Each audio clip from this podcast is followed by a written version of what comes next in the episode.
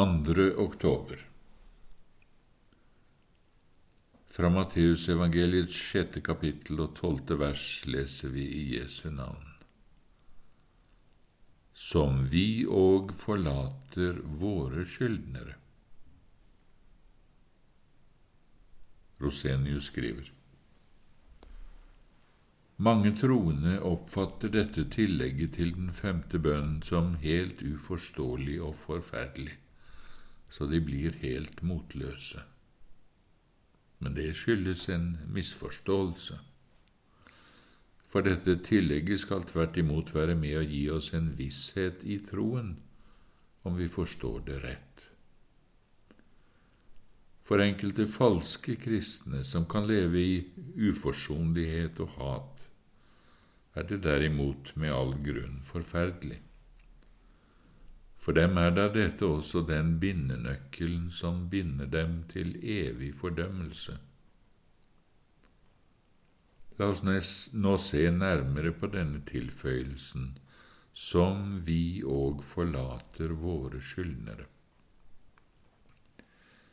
Mange har undret seg på om Kristus virkelig her vil si at bare i den grad vi forlater våre medmennesker, skal også Han forlate oss.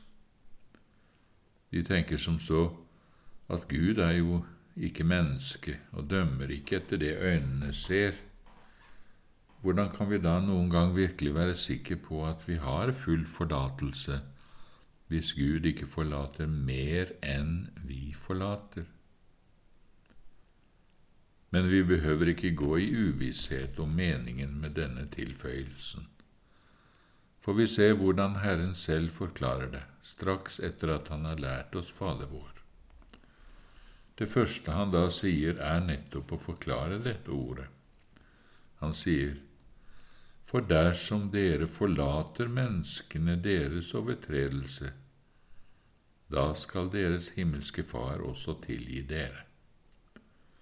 Men dersom dere ikke forlater menneskene deres overtredelser, da skal heller ikke deres far forlate dere deres overtredelse. Og i Matteus 18 forteller Herren en spesiell lignelse for å innskjerpe dette forholdet. Han forteller om tjeneren som var skyldig 10 000 talenter og fikk ettergitt alt sammen men som like etterpå gikk løs på sin medtjener og krevde til siste øre den gjelden han skyldte ham på hundre denarer, og som på grunn av denne sin ubarmhjertighet på ny ble gjort ansvarlig for hele sin egen store gjeld, som nå måtte betales til siste øre. Deretter sier så Herren, slik skal også min himmelske Far gjøre med dere, dersom ikke hver eneste en av dere av hjertet tilgir sin bror hans overtredelser. Av alt dette forstår vi godt Herrens alvorlige mening med denne tilføyelsen til den femte bønn. Men denne lignelsen viser også at dette punktet slett ikke gjelder verdens mennesker. Til dem taler derimot dette slik et godt menneske som selv ikke har gjort opp sitt regnskap med kongen, det vil si ikke ved omvendelse og tro er blitt forenet med Gud, det mennesket lever fremdeles i sin naturlige, ugjenfødte tilstand. Om slike mennesker måtte ha aldri så god samvittighet om at de ikke har en eneste uvenn på jord, men hjertelig gjerne forlater ethvert menneske deres synd mot dem, så blir disse likevel kastet ut i det ytterste mørket, bare fordi de ikke for sin egen del har gjort opp sitt regnskap med kongen. På den andre side har vi mennesker som ved Guds store nåde virkelig er dratt av Faderen, er blitt omvendt av Gud og forlikt med ham. Men så kommer de etter hvert bort i forskjellige forhold i sin omverden som påvirker dem. Og det som i omvendelsen var det eneste nødvendige for dem, Guds nåde og Guds vennskap, blir oppblandet eller utvannet. Så kan for eksempel stor ondskap eller urettferdighet fra medmennesker føre til at hjertet stivner i hat til disse og ikke kan forlate dem. Da har en slik sjel mistet den benådningen han hadde hos Gud, og tapt det aller største og viktigste i livet på grunn av menneskenes ondskap, eller egentlig på grunn av sin egen ånds frafall. Men, sier du, er det virkelig mulig at Gud kan dømme et svakt menneske på den måten bare fordi det ikke kan forlate alle onde mennesker? Ja, det er ikke bare mulig, men det er helt konkret det Kristus med klare ord har sagt og vist oss med nevnte lignelse i Matteus 18. Med denne tilføyelsen i den daglige bønn har han derfor også villet understreke dette markerte forholdet.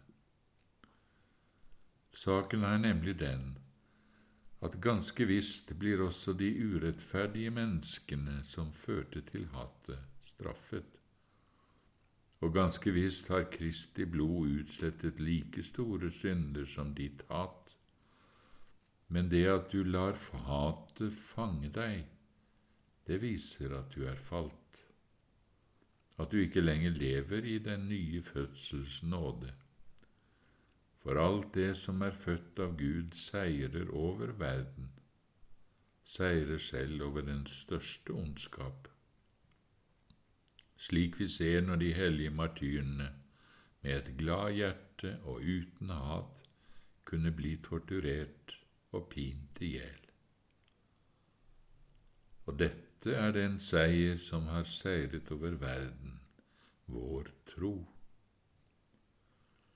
Da den rette Guds nåde en gang fikk innta hjertet ditt, ble dine egne synder så stort et onde for deg at alle andre menneskers ondskap sammenlignet bare ble småtteri, og Guds vennskap var så stort for deg at alt annet ikke hadde noen betydning.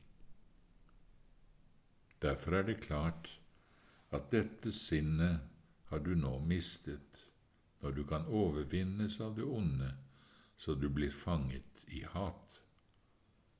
I slike spørsmål vil nemlig utfallet alltid avhenge av hvor stor du ser din egen synd, og av Guds nåde.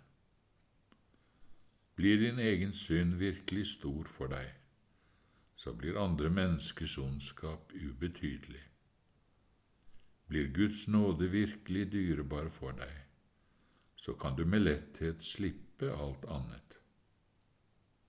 Dette gjør at de svakeste og mest skrøpelige kristne, som går så nedtrykt over sine egne synder og svakheter, ganske lett består denne prøven og kan tilgi andre. Ja, jo svakere og skrøpelige de er i egne øyne, jo lettere har de for å tilgi andre. Her ser du hemmeligheten med denne tilføyelsen i den femte bønnen, og den er så skarpsynt formulert og så skjønt at det virkelig røper sin mester.